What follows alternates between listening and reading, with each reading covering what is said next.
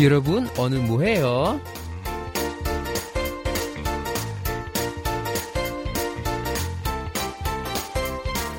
Lagi ngapain nih? Mending kita berbagi cerita di Kepo dengan DJ Lodi.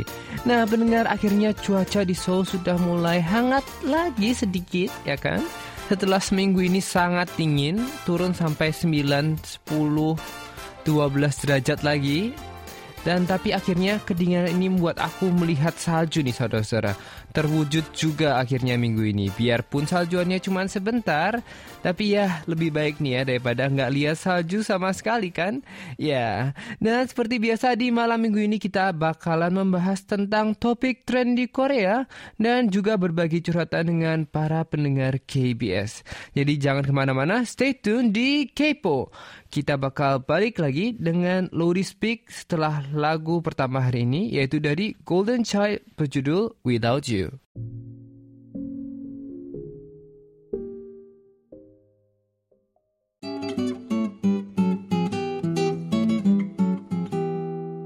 Teman-teman, baru aja Google merilis data pendapatan mereka dari iklan di YouTube di tahun 2019 nih, yang katanya mencapai 15 miliar dolar atau lebih dari 17 triliun won.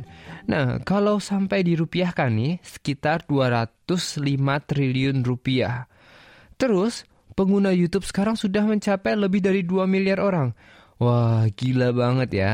Katanya ini adalah suatu peningkatan yang drastis dan salah satunya karena peningkatan penggunaan YouTube di Korea Selatan nih teman-teman. Makanya untuk segmen Lodi Speak hari ini kita akan membahas topik tentang YouTube. Emang sebagai negara yang maju dalam sisi teknologi, Korea suka ketinggalan nih dalam tren teknologi di luar negeri, terutama di bidang sosial media. Contohnya, di zaman kejayaan Facebook, orang-orang Korea lebih memilih platform lokal seperti Sewol. Lalu, kalau di seluruh dunia orang pakai chatting aplikasi WhatsApp, kalau di Korea kita semua pakai Kakao Talk. Nah, pada awalnya untuk konten video, Korea juga begitu. Kalau di belahan dunia lain, YouTube sudah merajalela sejak beberapa tahun yang lalu. Di Korea baru 2-3 tahun ini nih, ada peningkatan yang signifikan dalam penggunaan YouTube di Korea. Ini karena sebelumnya kreator konten di Korea lebih mengandalkan platform lokal seperti Daum dan juga Naver. Tapi, berkat appeal Korea yang lebih mendunia, otomatis para kreator konten pun beralih ke platform yang lebih mendunia juga seperti YouTube dan juga Instagram.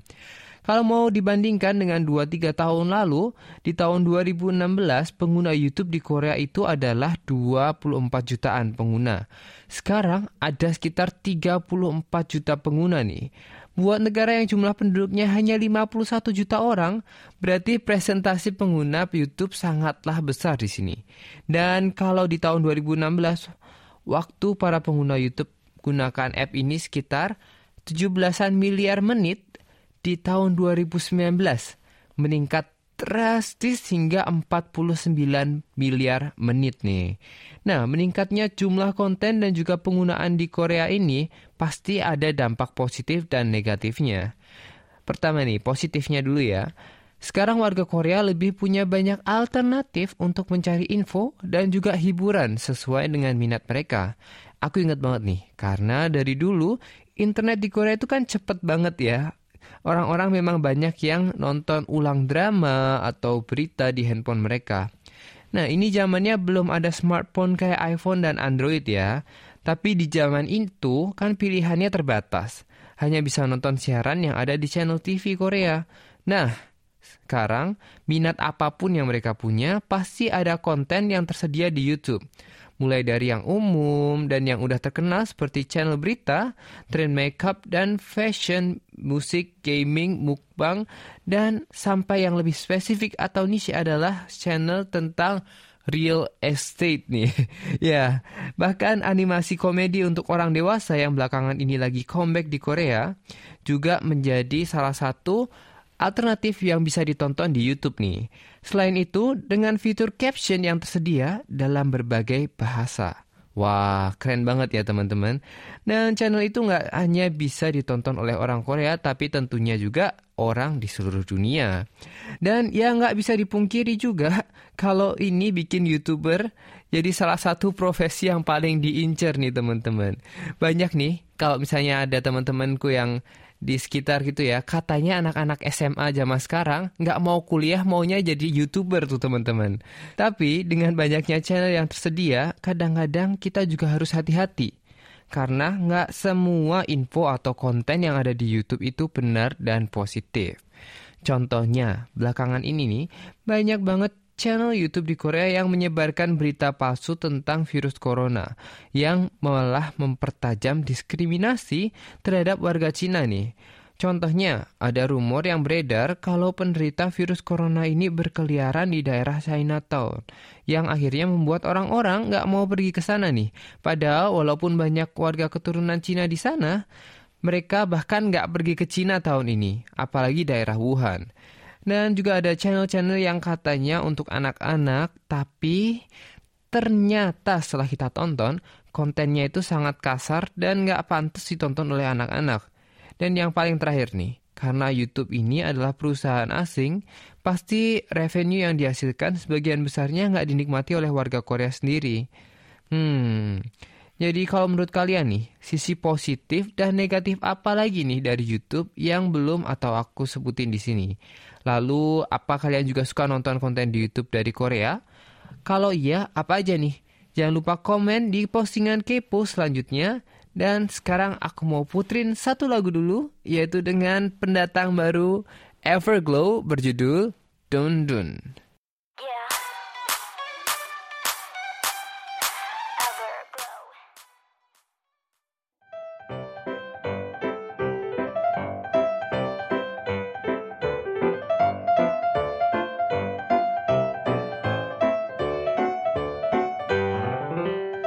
Sekarang kita mau masuk ke segmen selanjutnya yaitu segmen buku harian pendengar alias baper. Setiap minggunya aku akan pilih dua diary atau curhatan kalian buat aku bacain on air dan yang terpilih akan dapat hadiah dari KBS. Baper pertama kali ini adalah dari Ica yang lagi bingung nih. Kenapa bingungnya? Ada aja orang yang gak mendukung kesukaannya dengan K-pop. Hmm, langsung aja aku bacain ya. Halo DJ Lodi, nama saya Ica.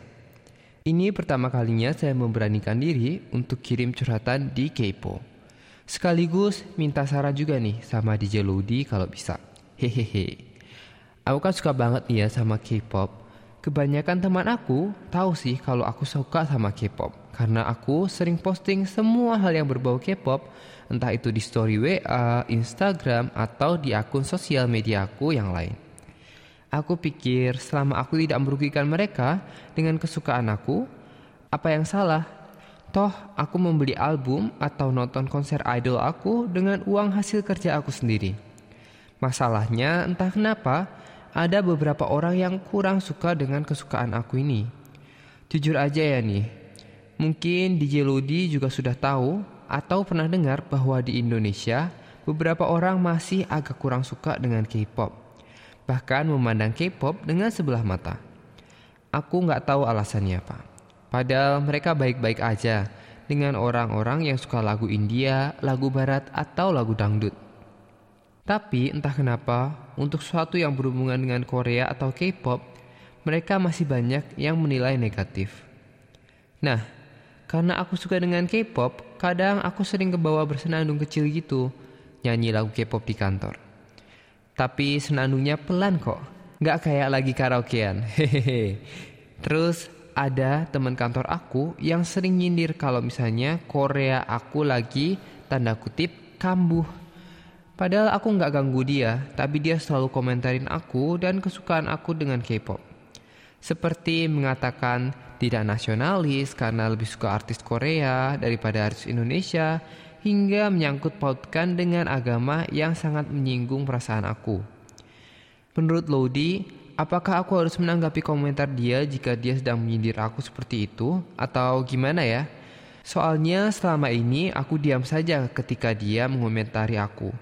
Tapi kok semakin lama dia semakin tidak tahu diri dan komentarnya melebihi batas. Sebelum aku respon bapernya, kita dengerin dulu yuk lagu dari Hyorin yaitu Hug Me Silently with Crucial Star.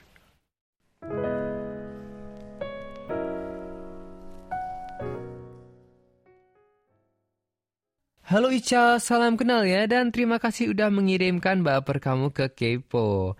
Kalau dulu ya, aku memang sering banyak nih denger orang yang memandang K-pop dengan sebelah mata karena waktu itu K-pop masih nggak ngehit seperti sekarang. Tapi kalau baca curhatan kamu ini, aku juga ikut sedih ya. Sekarang masih banyak orang yang punya respon negatif kalau tahu seseorang suka sama K-pop. Hmm, Ya, aku setuju sama kamu Ica. Yang namanya musik itu kan tergantung selera dari pendengarnya kan ya. Kamu suka K-pop karena menurut kamu lagunya bagus atau tariannya dinamis, sama seperti orang yang suka dengan musik Indonesia atau musik Barat atau musik India.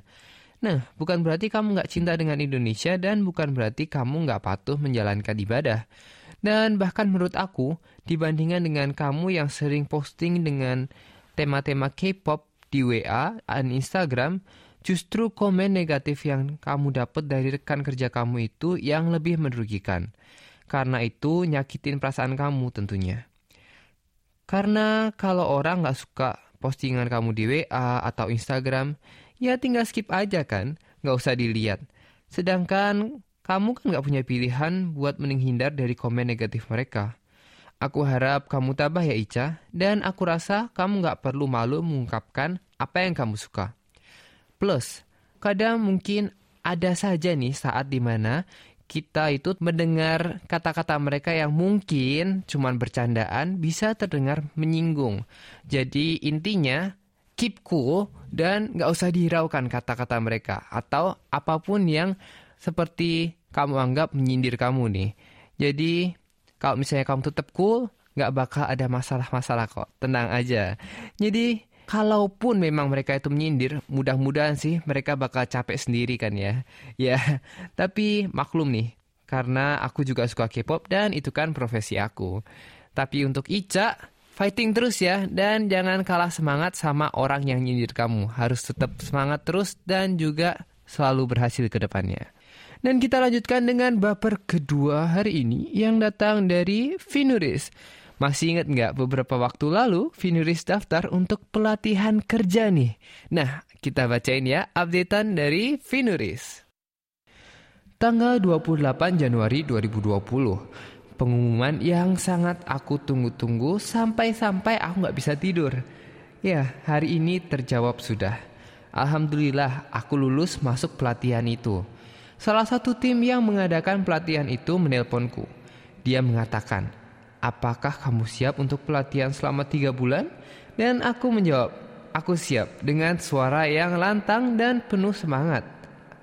Aku menjawabnya dan dia bilang, pelatihan akan dilaksanakan pada bulan Februari akhir dan kata dia nanti akan dibuatkan grup WA buat semua anggota pelatihan yang terpilih. Salah satunya aku. Dari ini, tepat tiga hari aku tinggal kakakku ke Jakarta. Pertamanya sih aku biasa aja. Tapi beberapa hari ditinggal kakakku ke Jakarta rasanya ada yang hilang gitu. Walaupun hampir setiap hari, entah itu siang atau sore, aku selalu berhubungan dengan kakakku melalui sosial media. Dalam tanda kurung WA. Tapi rasanya beda aja gitu. Tapi aku kalau berhubungan lewat sosial media sama kakakku, aku nggak pernah bilang ke kakakku kalau aku kangen dia karena aku malu mengakuinya. Selamat ya Vinuris karena akhirnya lulus dan bisa mulai pelatihan kerja. Woo! Kita semua di KBS mendukung kamu nih. Semoga pelatihannya sukses dan kamu bisa mendapatkan pekerjaan sesuai dengan harapan kamu ya. Amin. Dan Vinuris, Kenapa kau malu ngakuin kalau kamu kangen sama kakak kamu? Sebenarnya nih, walaupun kamu nggak bilang langsung kalau kamu kangen, aku rasa kakak kamu juga tahu kok kalau kamu itu kangen. Dan begitu juga dengan kakak kamu di Jakarta. Kalian kan kontak-kontakan setiap hari. Kalian berdua berarti sekarang sedang mengalami perubahan yang sangat besar ya. Kakak kamu pindah ke Jakarta untuk memulai hidup baru dan kamu juga akan mulai hidup baru dengan pelatihan ini. Jadi, mungkin ketika kalian berdua ketemu lagi, akan banyak mengenai cerita-cerita baru yang bisa saling kalian share satu sama lainnya. Nah, Semoga terus semangat dan juga sekali lagi semangat buat Vinuris dan juga selamat juga buat Ica karena baper kalian udah terpilih untuk Kepo episode hari ini. Nah, jangan lupa buat konfirmasi alamat dan nomor telepon kalian ke email KBS di indonesia at kbs.co.kr dan buat pendengar KBS lainnya yang juga pengen diary dan curhatannya dibacain di KBS bisa kirim ke alamat email barusan atau DM dan inbox di sosial media KBS baik di Facebook ataupun Instagram nih.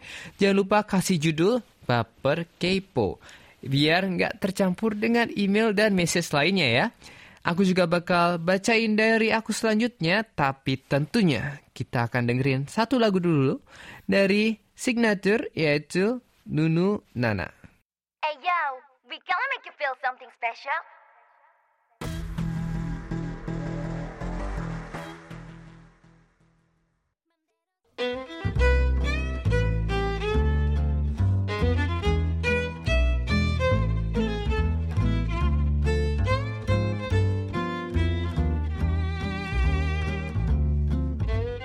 Dear Diary Seluruh dunia sekarang lagi dikemparkan oleh menyebarnya virus corona. Ya, termasuk di Korea. Pada awalnya saat berita tentang virus itu, aku tidak terlalu khawatir karena orang di sekelilingku pun tidak terlalu menganggapnya serius.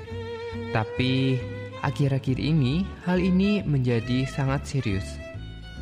Setiap aku keluar rumah, semua orang di luar menggunakan masker dan menjadi sangat sensitif kita bahkan tidak bisa batuk atau bersin tanpa harus dilihat dan dihindari orang-orang setelah itu. Ada juga hal-hal preventif yang dilakukan oleh restoran-restoran Korea, contohnya dan khususnya di daerah Gangnam. Seperti tidak menerima orang Cina yang menurut aku sebenarnya sedikit berlebihan. Saat aku pergi ke restoran atau tempat lainnya sendiri, biasanya sih nggak apa-apa. Tapi, ya, pada suatu hari, aku pergi bersama teman-temanku ke sebuah restoran di daerah Gangnam. Aku dan temanku ini memang biasanya berkomunikasi dalam bahasa Inggris. Jadi saat pelayan toko itu mendengar kita tidak berbahasa Korea, mereka segera bertanya, kita berasal dari mana, dan sebagainya. Aku tahu bahwa itu dilakukan restoran-restoran itu untuk mencegah penyebaran virus corona tapi aku juga tidak bisa menyangkal bahwa hal-hal ini membuat diskriminasi terhadap warga asing menjadi sangat parah dan melihat hal seperti ini membuatku tidak nyaman. Aku dengar dari teman-temanku yang ada di luar Korea, seperti di UK pun, walau mereka bukan orang dari Cina, tapi mereka terlihat seperti orang Asia, mereka akan mendapatkan diskriminasi yang sangat buruk di daerah mereka berada daripada virus corona itu sendiri, justru hal-hal seperti ini yang membuatku lebih sedih dan khawatir. Untungnya dari pihak pemerintah dan juga berita yang beredar, banyak yang sudah berusaha meluruskan informasi-informasi miring yang beredar untuk mengurangi diskriminasi ini. Aku berharap hal-hal ini dapat dihindari. Dan yang pasti, aku juga berharap wabah virus ini dapat segera berakhir di seluruh dunia. 오늘도 고생 많았어.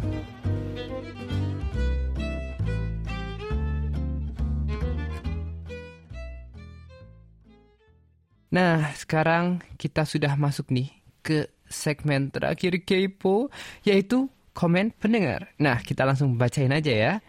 Ada komen pertama dari Sinta Aulia Zahra. Kak Lodi bikin video dong tentang skincare idol kakak pasti bakal banyak yang nonton. Soalnya kakak bening banget. Aduh, kalau misalnya dibilang gini gimana ya? Soalnya aku kurang kayak ada skincare gitu, tapi tentunya akan aku usahakan buat kayak merangkum tips and trick gitu ya buat kalian semua. Bisa ditunggu buat videonya nanti ya. Dan ada juga dari Cenisa underscore 01. Halo kak, salam kenal. Nama aku Nisa. Aku penggemar K-pop sejak tahun 2016. Aku mengidolakan Haechan Oppa dan juga Johnny Oppa. Menurutku mereka sangat lucu. Aku pengen banget ke Korea apalagi kalau bisa ketemu idolaku.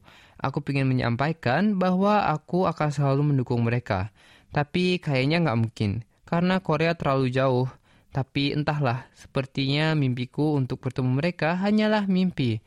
Halo Cenisa, jangan khawatir karena tentunya kalau misalnya berusaha pasti ada jalannya nih. Dan juga kayaknya nih uh, akhir-akhir ini uh, artis-artis dari company tersebut ya kan kayaknya sering lagi sering-sering nih ke Indonesia kayaknya ya kan.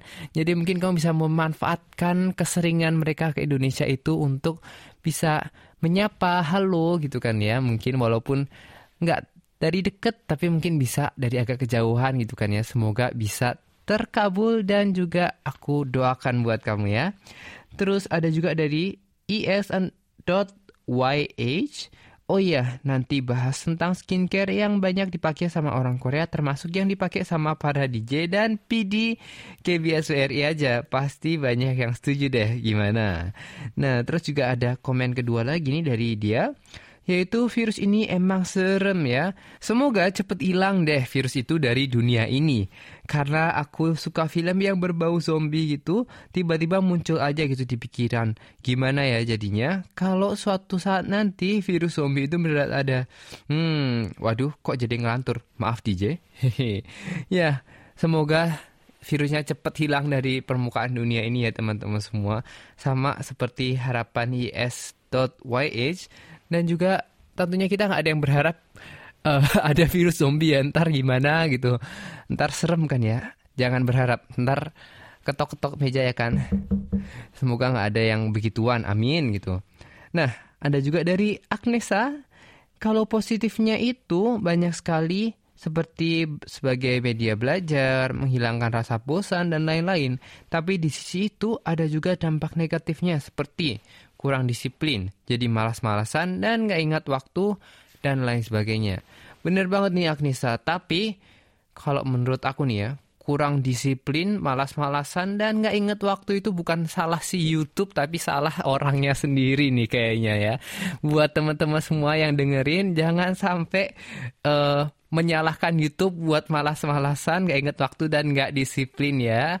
Ayo siapa yang Agnesa nggak kan ya? Oke, semoga nggak dan juga kita semua tahu kalau Agnesa pastinya selalu semangat belajar ya kan. Dan tentunya nih ada juga komen terakhir hari ini yaitu dari Daily Graffiti yaitu yay finally keinginan Lodi lihat salju di musim dingin kewujud juga ya. Sebelum musim dingin di Korea benar-benar berakhir. Di sisi positif YouTube menurut aku sih menjadikan beberapa orang kreatif karena mereka akan membuat akun YouTube-nya di subscribe dengan diisi konten-konten yang menarik. Bahkan tiga tahun ini aku hampir nggak pernah nonton TV lagi dan lebih suka nonton YouTube karena isinya lebih menarik. Hehe. Di sisi negatifnya apa ya? Hmm, mungkin jadi wadah untuk menyebar hoax atau provokasi nih. Apalagi ketika sedang ada hal-hal yang lagi trending kayak virus corona atau pas pemilu di Indonesia tahun lalu. Duh, banyak banget tuh video YouTube yang saling menjatuhkan. Jadi pinter-pinternya kita juga untuk menyaring video yang berfaedah. Iya bener banget nih buat Daily Gravity. Kita harus pinter-pinter nih, walaupun banyak nih eh, video-video di YouTube yang tersebar, kita harus pinter-pinter memilih apa yang harus kita tonton dan juga memilih apa yang sudah kita tonton untuk bisa kita dapatkan faedahnya nih. Bener banget, terima kasih banget nih dan juga tentunya terima kasih juga buat uh, komennya karena ya akhirnya aku bisa melihat musim salju yang aku inginkan ya kan uh, selama di Korea selama musim dingin di minggu ini nih. Dan terima kasih nih buat semua yang udah kasih komennya buat Kepo hari ini dan kasih ide buat topik Kepo selanjutnya. Sekarang aku mau puterin lagu nih buat kalian yaitu dari Luna atau Ida Resonyo yang berjudul So What.